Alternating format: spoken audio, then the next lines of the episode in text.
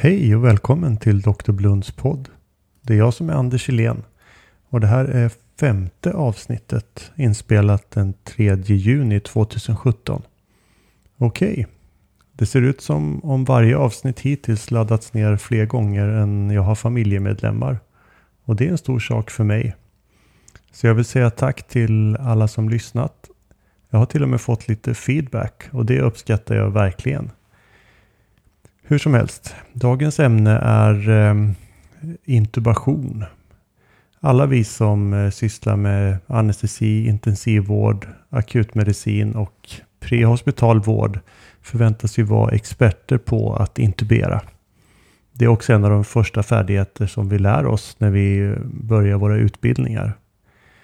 Det är nu ganska länge sedan jag intuberade min första patient. Ja, egentligen var nog det en gris, men det kan vi lämna därhän. Jag tycker att jag är rätt bra på att intubera, men eh, jag inser att det sättet jag gör det på nu är lite annorlunda än hur jag lärde mig från början. Och sättet jag lär ut på är inte detsamma som mina handledare använder för att lära mig. Så det här blir lite back to basics. Grundläggande intubation. Men kanske på ett lite nytt sätt.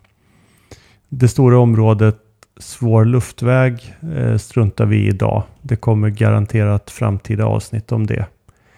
Så det jag har valt mig att rikta in mig på är hur jag intuberar en svårt sjuk patient. Det kan vara på akuten, IVA, operation eller rent av prehospitalt, även om det är ett lite annorlunda scenario. Tänk dig alltså en patient som behöver intuberas väldigt snart, inom några minuter kanske. Så, vad har vi då för mål när vi ska göra detta? Ja, nummer ett i prioriteringsordningen förstås döda inte patienten. Eh, nummer två, undvik smärta. Och det vi framförallt vill undvika då är ju den här sympatikusaktivering som kan leda till eh, blodtrycksstegring och andra negativa saker. Och nummer tre, undvik awareness. Eh, det är förstås viktigt men eh, mindre viktigt än patientens liv. Så självklart vill vi inte döda patienten. Men vi måste vara medvetna om att intubationen i sig är en stor risk. Eh, studier har eh, kommit fram till att hjärtstopp inträffar i cirka 4% av alla akuta intubationer och vanligen händer det inom 10 minuter efter intubationen. Och eh, det kan vara bra att tänka över de olika faktorer som påverkar risken för hjärtstopp i samband med intubation. Och man kan eh, dela in dem i tre kategorier. Jag har valt eh, att kalla det för 3H. Den första kategorin är hemodynamik. Eh, patienter som behöver intuberas akut har ju ganska ofta redan en påverkad cirkulation. De kanske har sepsis, stora blödningar eller akut hjärtsvikt efter en eh, nyligen genomgången infarkt. De flesta av våra induktionsläkemedel har också en tendens att eh, förvärra situationen genom att eh, blockera kompensationsmekanismerna, det vill säga katekolaminerna. Och dessutom så har de ofta i sig själva en negativ inotrop effekt och även en vasodilaterande effekt. Eh, de här sakerna tillsammans kan leda till en kraftig blodtryckssänkning och det leder i sin tur till eh, minskat blodflöde i kranskärlen och eh, det kan bli en ond cirkel där man helt enkelt får otillräckligt cardiac output och blodtrycket sjunker ytterligare och leder till hjärtstillestånd. Ehm, kategori 2 i de här 3H är hypoxi. Hypoxi kan ju vara indikationen för intubation. Men det är också en vanlig komplikation. Eh, de akut sjuka patienterna har ju ofta ett ökat syrgasbehov eh, och de kan också ha faktorer som påverkar deras förmåga att ta upp syrgas, till exempel en pneumoni. Så man måste därför göra allt man kan för att förhindra hypoxi i samband med intubationen. Eh, och det man ska göra är att optimera preoxineringen eh, använda sig av eh, apnéoxygenering. Vi kommer att prata mer om det senare. Eh, och slutligen, och kanske inte minst viktigt, att maximera chansen att lyckas på första försöket. Eh, den tredje kategorin eh, kallar vi för eh, H eller syrabas. Ehm, och patienter som har en svår metabol acidos, till exempel en laktacidos eller en ketoacidos, Eh, kompenserar detta genom att hyperventilera så länge de är tillräckligt vakna och eh, starka. När man sederar eller söver så slår man ut den mekanismen. Och är acidosen extrem så kan det räcka att bara minska andningsfrekvensen lite grann för att sänka pH-värdet till en kritisk nivå. Och det kan också leda till hjärtstopp. Så det var de tre kategorierna av eh, faktorer som kan öka risken för hjärtstopp i samband med intubation. Eh, låt oss gå över till själva eh, proceduren. Låt oss ta det steg för steg. Det första som bör hända när du fattat beslut om att intubera patienten är att påbörja preoxygeneringen. På så sätt hinner patienten få maximal nytta av syrgas utan att det behöver fördröja själva intubationen. Så målet är att få patienten att andas 100% syrgas i minst 3 minuter. Eh, den metod som vanligen används på operationssalen är en eh, narkosapparat med en mask som hålls tätt över ansikte och näsa. För att det ska ge optimal preoxinering krävs att masken verkligen hålls tätt så att ingen rumsluft slinker in. Av praktiska skäl är det ofta ganska svårt att uppnå detta. Särskilt eh, utanför operationsavdelningen, till exempel på akutmottagningen. Ehm, en vanlig eh, reservoarmask som man gärna använder om patienten andas själv eh, med 15 liter syrgas ger faktiskt bara 60-70% i inandad syrgasfraktion. Det är långt ifrån tillräckligt. Ehm, en del eh, föredrar att använda en andningsblåsa med mask men eh, det har visat sig vara väldigt otillförlitligt. Ehm, beroende på fabrikat så kan eh, en sån mask med blåsa ge allt från rumsluft upp till nästan 100% syrgas. Men bara om patienten andas själv eller blir aktivt ventilerad. Så hur ska man göra då? Jo, den här metoden som jag nu ska gå igenom kommer från eh, en eh, fin artikel som jag har länkat i eh, inlägget som hör till det här avsnittet. Ehm, du börjar med att sätta en vanlig syrgasgrimma på patienten och skruva upp syrgasen till 15 liter per minut. Ja, du hörde rätt. 15 liter per minut i näsan. Ehm, över den sätter du en reservoarmask som också har 15 liter per minut. Du behöver alltså två stycken syrgasuttag. Sammanlagt 30 liter per minut alltså. Ett alternativ till reservoarmasken som egentligen är ännu bättre är en tät mask som är kopplad till en respirator eller en narkosapparat med eh, CPAP. Ehm, det kräver dock att man kan den utrustningen bra och att patienten övervakas noga under tiden som eh, man preoxinerar för att undvika aspiration. Det låter ju mycket med 15 liter syrgas i näsan men eh, det har visat sig vara väl tolererat även med en vanlig eh, standard näsgrimma. Och den här syrgasen i näsan ger också en ytterligare bonus, nämligen apneisk oxygenering. Det vill säga att patienten får syrgas även efter att man sövt och relaxerat. Eh, konceptet eh, kallas på engelska No DSAT. Eh, lite fyndigt Nasal Oxygen During Efforts Securing a Tube. Och jag har som sagt länkat originalartikeln i inlägget. Jag var tvungen att hitta på en egen svensk översättning av NO-DSAT och det blev Sinuit, syrgas i näsan under intubation. Varsågoda. Ja, funkar det då? Ja, det gör det ju. Eh, om du jobbar på IVA har du säkert varit med om att göra apnetest som en del av hjärndödsdiagnostik. Då ser man ofta att patienten bibehåller eh, full syresättning under 10 minuters total apné. Och det är betydligt längre än de flesta intubationsförsök. Eh, och det här har också studerats noggrant på både patienter och eh, frivilliga. Och jag länkar eh, några sådana studier också i inlägget. Så, nu har du kopplat på syrgasen för preoxinering. och eh, nu är det dags att positionera patienten inför intubationen. Och det är verkligen värt att lägga tid på detta. Eh, många av oss lärde oss att intubera patienter som ligger helt platt på ett horisontellt underlag. Eh, och en del tycker till och med att det kan vara lite eh, coolt att kunna intubera var som helst och hur som helst. Men eh, platt på rygg är verkligen inte den bästa positionen för patienten.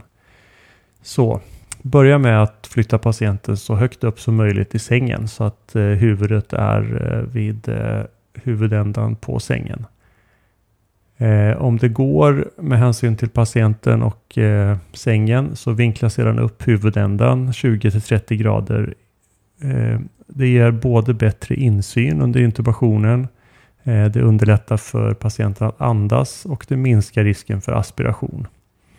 Sen är det två anatomiska villkor som ska uppfyllas. Eh, patientens bröstben, alltså framsidan av bröstkorgen, ska vara parallellt mot eh, sängen, mot underlaget. Eh, och för feta patienter kan man då behöva palla upp ganska ordentligt under axlarna. För annars eh, lutar gärna bröstbenet neråt emot eh, sängen. Eh, därefter lyfts huvudet framåt så att hörselgången kommer i höjd med eh, jugulum. Det innebär alltså i princip att man eh, parallellförflyttar ansiktet framåt så att det är fortfarande i samma plan som bröstbenet men eh, längre fram så att hörselgången är i höjd med, eh, med bröstbenet. Och för en normalbyggd person är det ofta tillräckligt att man stoppar en kudde eller en vikt filt under huvudet bakom eh, occipitalutskottet. Men eh, om patienten är fet kan det behövas en ganska omfattande ramp. Slutligen ändrar du höjd på hela sängen till patientens huvud är i höjd med nedre delen av din bröstkorg. På så sätt behöver du inte böja dig för mycket för att eh, få den bästa insynen. Ja, det här är alltså den optimala positionen. Men ibland så är det förstås svårt eller omöjligt att få till det, särskilt om du jobbar prehospitalt. Men eh, ha den här målbilden och eh, var medveten om att eh, alla avsteg från det kommer att göra själva intubationen svårare. Inne på sjukhuset i en modern säng finns det inga ursäkter. Du ska inte utsätta dig själv eller patienten för en svår intubation bara för att du försökte spara tid och intubera i en eh, halvbra position. Så, nu är patienten preoxygenerad och positionerad. Då är det dags att söva. Se först till bara så att alla i teamet nu är med på vad som ska hända och kolla att all utrustning är förberedd. Jag har börjat rekommendera att använda en checklista som man går igenom för induktionen. Eh, och den checklistan eh, kan ju se lite olika ut beroende på var man jobbar men den bör åtminstone omfatta en sista kontroll av eh, all utrustning som ska användas, patientens position, Eh, läkemedel och doser, planerad metod för intubation, eh, reservplan om man råkar ut för en eh, svår intubation och monitorering. När det gäller läkemedel så behöver du i stort sett bara kunna två stycken. Med dem kan du söva och intubera alla patienter. Ketalar har blivit mitt absoluta favoritläkemedel. Eh, jag skulle kunna göra, och jag kommer säkert att göra, ett avsnitt om alla saker man kan använda det till. Eh, och Esmeron, eller Rocuronium, är den bästa muskelrelaxantian. Så är det bara. Eh, ni får tro mig på mitt ord. Men doseringen är viktig och särskilt för de mest instabila patienterna. Principen är att ju sjukare patient, desto mindre katalar och desto mer Esmeron. Startdoserna för en eh, eh, relativt stabil patient är för katalar 1-2 mg per kilo och för Esmeron 1,2 mg per kilo. Det är alltså dubbelt så mycket som den vanliga intubationsdosen. Så observera att du kommer att behöva två ampuller Esmeron för alla patienter som väger mer än eh, sådär 42 kilo. Det kan förresten vara bra att ha en spruta tillberedd med en eh, vasopressor som du kan använda om patienten tappar blodtrycket trots dina noggranna förberedelser. Fenylefrin eh, 0,1 mg per milliliter är perfekt. Spruta bara en eller två milliliter i taget till den effekt som du vill ha. Om du inte har tillgång till fenylefrin så kan du blanda adrenalin istället. Ehm, då tar du en milliliter av eh, hjärtstoppsadrenalinet, alltså det som är 0,1 milligram per milliliter och eh, späder upp det till 10 milliliter. Då får du 10 mikrogram per milliliter av adrenalin och doseringen är ungefär densamma, 1-2 milliliter i taget till effekt. Ja, så för en klassisk eh, RSI, Rapid Sequence Induction, som vi för enkelhetens skull håller oss till idag, så sprutas de doserna som du har bestämt snabbt och omedelbart efter varandra utan paus. Se till att den som ger läkemedlen vet hur du vill ha det. Eh, det får inte vara några tveksamheter. Eh, när man har gett eh, den här dosen av Esmeron så har man optimala intubationsförhållanden inom ungefär 30 sekunder. Men varför vänta? Du behöver ju inte ha optimala intubationsförhållanden förrän du ska stoppa ner tuben och ha stämbanden i sikte. Utan så fort läkemedlen är inne är det dags att börja laryngoskopera. Då har du maximalt med tid på dig att hitta fram eh, och är beredd att intubera innan patienten hinner tappa syresättningen. Så du greppar ditt laryngoskop i vänster hand nära gångjärnet med ett lätt grepp. Tre fingrar brukar räcka. Det här är inte en eh, muskelövning. Ansträng dig för att göra alla rörelser så långsamt som möjligt. I slutändan så leder det faktiskt till att hela processen går snabbare. Eh, en väldigt intressant eh, studie undersökte nybörjare med eh, experter och eh, då satte man sensorer i toppen av laryngoskopbladet för att registrera alla rörelser som eh, gjordes under intubationen. Då upptäckte man att eh, den största skillnaden var att experterna rörde bladet ungefär hälften så mycket. Och därför gick det snabbare. Det vanligaste misstaget som man gör som nybörjare är att man har för bråttom, man går för djupt och för snabbt. Och så missar man de viktiga strukturerna och hittar inte tillbaka. Så ta det lugnt, metodiskt, eh, steg för steg. Du börjar med att öppna patientens mun med höger hand det så kallade saxgreppet. Eh, pekfingret mot de övre kindtänderna och tummen mot de nedre och eh, öppna munnen försiktigt. För in laryngoskopet i medellinjen. Jag vet att jag lärde mig från början att man ska börja till höger och dra tungan till vänster men eh, jag har aldrig förstått varför. Den här metoden är mycket bättre. Följ tungan och den hårda gommen bakåt steg för steg tills du kan se mjuka gommen Fortsätt lite till och då bör du se gomseglet eller uvula. Det är eh, det första viktiga landmärket och eh, det betyder att du är på rätt spår. Eh, nu kan du nog släppa taget med höger hand om eh, patientens tänder och istället ta tag i sugen som eh, du förmodligen behöver. Ehm, och eh, där har vi också en liten rekommendation Eh, de här tunna mjuka sugkatetrarna är oftast rätt värdelösa, särskilt om patienten eh, kräks eh, matrester eller liknande. Ehm, det du ska ha är en eh, stel sug med eh, stor innerdiameter, en så kallad eh, tonsillsug eller Jankauer-sug. Av någon anledning är de ganska ovanliga på svenska akutmottagningar, men jag hoppas att du har en hos dig. Ehm, när du fortsätter en liten bit till så kommer du se bakre svalgväggen med gomseglet fortfarande i synfältet. Eh, sug rent om det finns eh, saliv eller andra eh, sekret. Eh, fortsätt att följa tungan eh, bakåt och nu borde du se toppen av epiglottis. Och det är den allra viktigaste strukturen, själva ingången till eh, larynx. Ehm, en av eh, intubationens största mästare, Rich Levitan, han betonar detta genom att inte säga laryngoskopi. Han säger epiglottoskopi istället.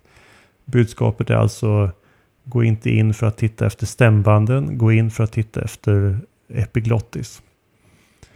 Om du inte kan se epiglottis i det här läget när du har eh, laryngoskopbladets spets bakom tungan eh, så kan du ta tag med din högra hand om patientens bakhuvud och lyfta rakt uppåt. Det brukar hjälpa för att eh, förbättra insynen.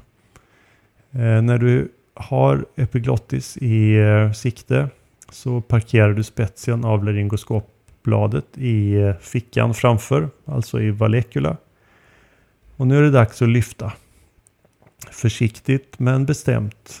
Man måste ju förstås lyfta käken framåt och uppåt. Men om du har rätt position så bör det inte behöva speciellt mycket kraft i det här läget. Och bakom epiglottis borde du nu se laryngsingången med stämbanden. Om du inte kan se eller om du bara kan se de bakre strukturerna så tar du din assistents hand med din högra hand, placerar den på patientens hals, eh, sätter din egen hand ovanpå assistentens hand och manipulerar tills du ser laryngsingången. Sen ber du assistenten att hålla sin hand stilla när du tar bort din. Om du trots de här manövrerna inte kan se ens de bakre delarna av stämbanden så är det nog dags att eh, backa ur nu och planera ett nytt försök med mer optimalt läge eller kanske någon annan utrustning eller rent av be någon annan ta över. Men som sagt, den svåra luftvägen lämnar vi till en annan dag. När du nu ser laringsingången suger du rent igen innan du lägger ifrån dig sugen. Din assistent ger dig tuben och i den sitter det förstås alltid en ledare. Eh, för ner tuben och se till att behålla din fina vy över larynx ända tills tuben är på plats mellan stämbanden. Och be din assistent att dra ut ledaren. En kollega till mig fick en gång en tandskada vid en svår intubation eh, på sig själv. Det gick till så att han försökte dra ut ledaren med munnen och eh, en av hans tänder sprack. Eh, det är illa nog om man får en tandskada på patienten. Man ska helst inte få det på eh, narkosläkaren också. Så, när du har sett kuffen på tuben passera stämbanden så ber du assistenten att blåsa upp den. Och se till att hålla kvar greppet om tuben ända tills den är fixerad. Som riktmärke så kan man eh, ha djupet eh, på 21 cm för kvinnor och 23 cm för män. Eh, och du måste kontrollera noga och på så många sätt som möjligt att du verkligen har intuberat trakea och inget annat. Det bästa sättet är kapnografi. Det borde vara standard överallt men jag vet att det tyvärr inte är det än. Eh, så Istället får man lyssna noga med sitt stetoskop över bröstkorg och mage medan någon annan ventilerar patienten. Och om du har minsta tvekan i det här läget och särskilt om patientens saturation börjar sjunka. Dra ut tuben, ventilera patienten och börja om. Men när du är säker på positionen så kan du koppla tuben till respiratorn eller narkosapparaten och börja ventilera patienten. Internationellt så rekommenderas ofta att göra en lungröntgen för att bekräfta tubläget. Det finns en hel del stöd för det i publicerade data, men så vitt jag vet är det inte rutin på så många ställen i Sverige. Ja, nu kanske du tycker att jag borde ha sagt något om eh, krikoidtryck. Och det borde jag kanske. Eh, och eh, jag kan sammanfatta det så här. Jag slutade för rätt så länge sedan att använda krikoidtryck. Eh, efter att jag hade läst och eh, hört en hel del eh, diskussioner i frågan. Det finns för det första i stort sett inget stöd för att det skyddar mot aspiration i samband med intubation. Däremot finns det en hel del stöd för att det kan försvåra själva intubationen. Att det till och med öppnar den nedre esofagusfinkten och att det kan leda till direkt skada på esofagus. Alltså Eh, flera potentiella nackdelar och eh, inga säkra fördelar.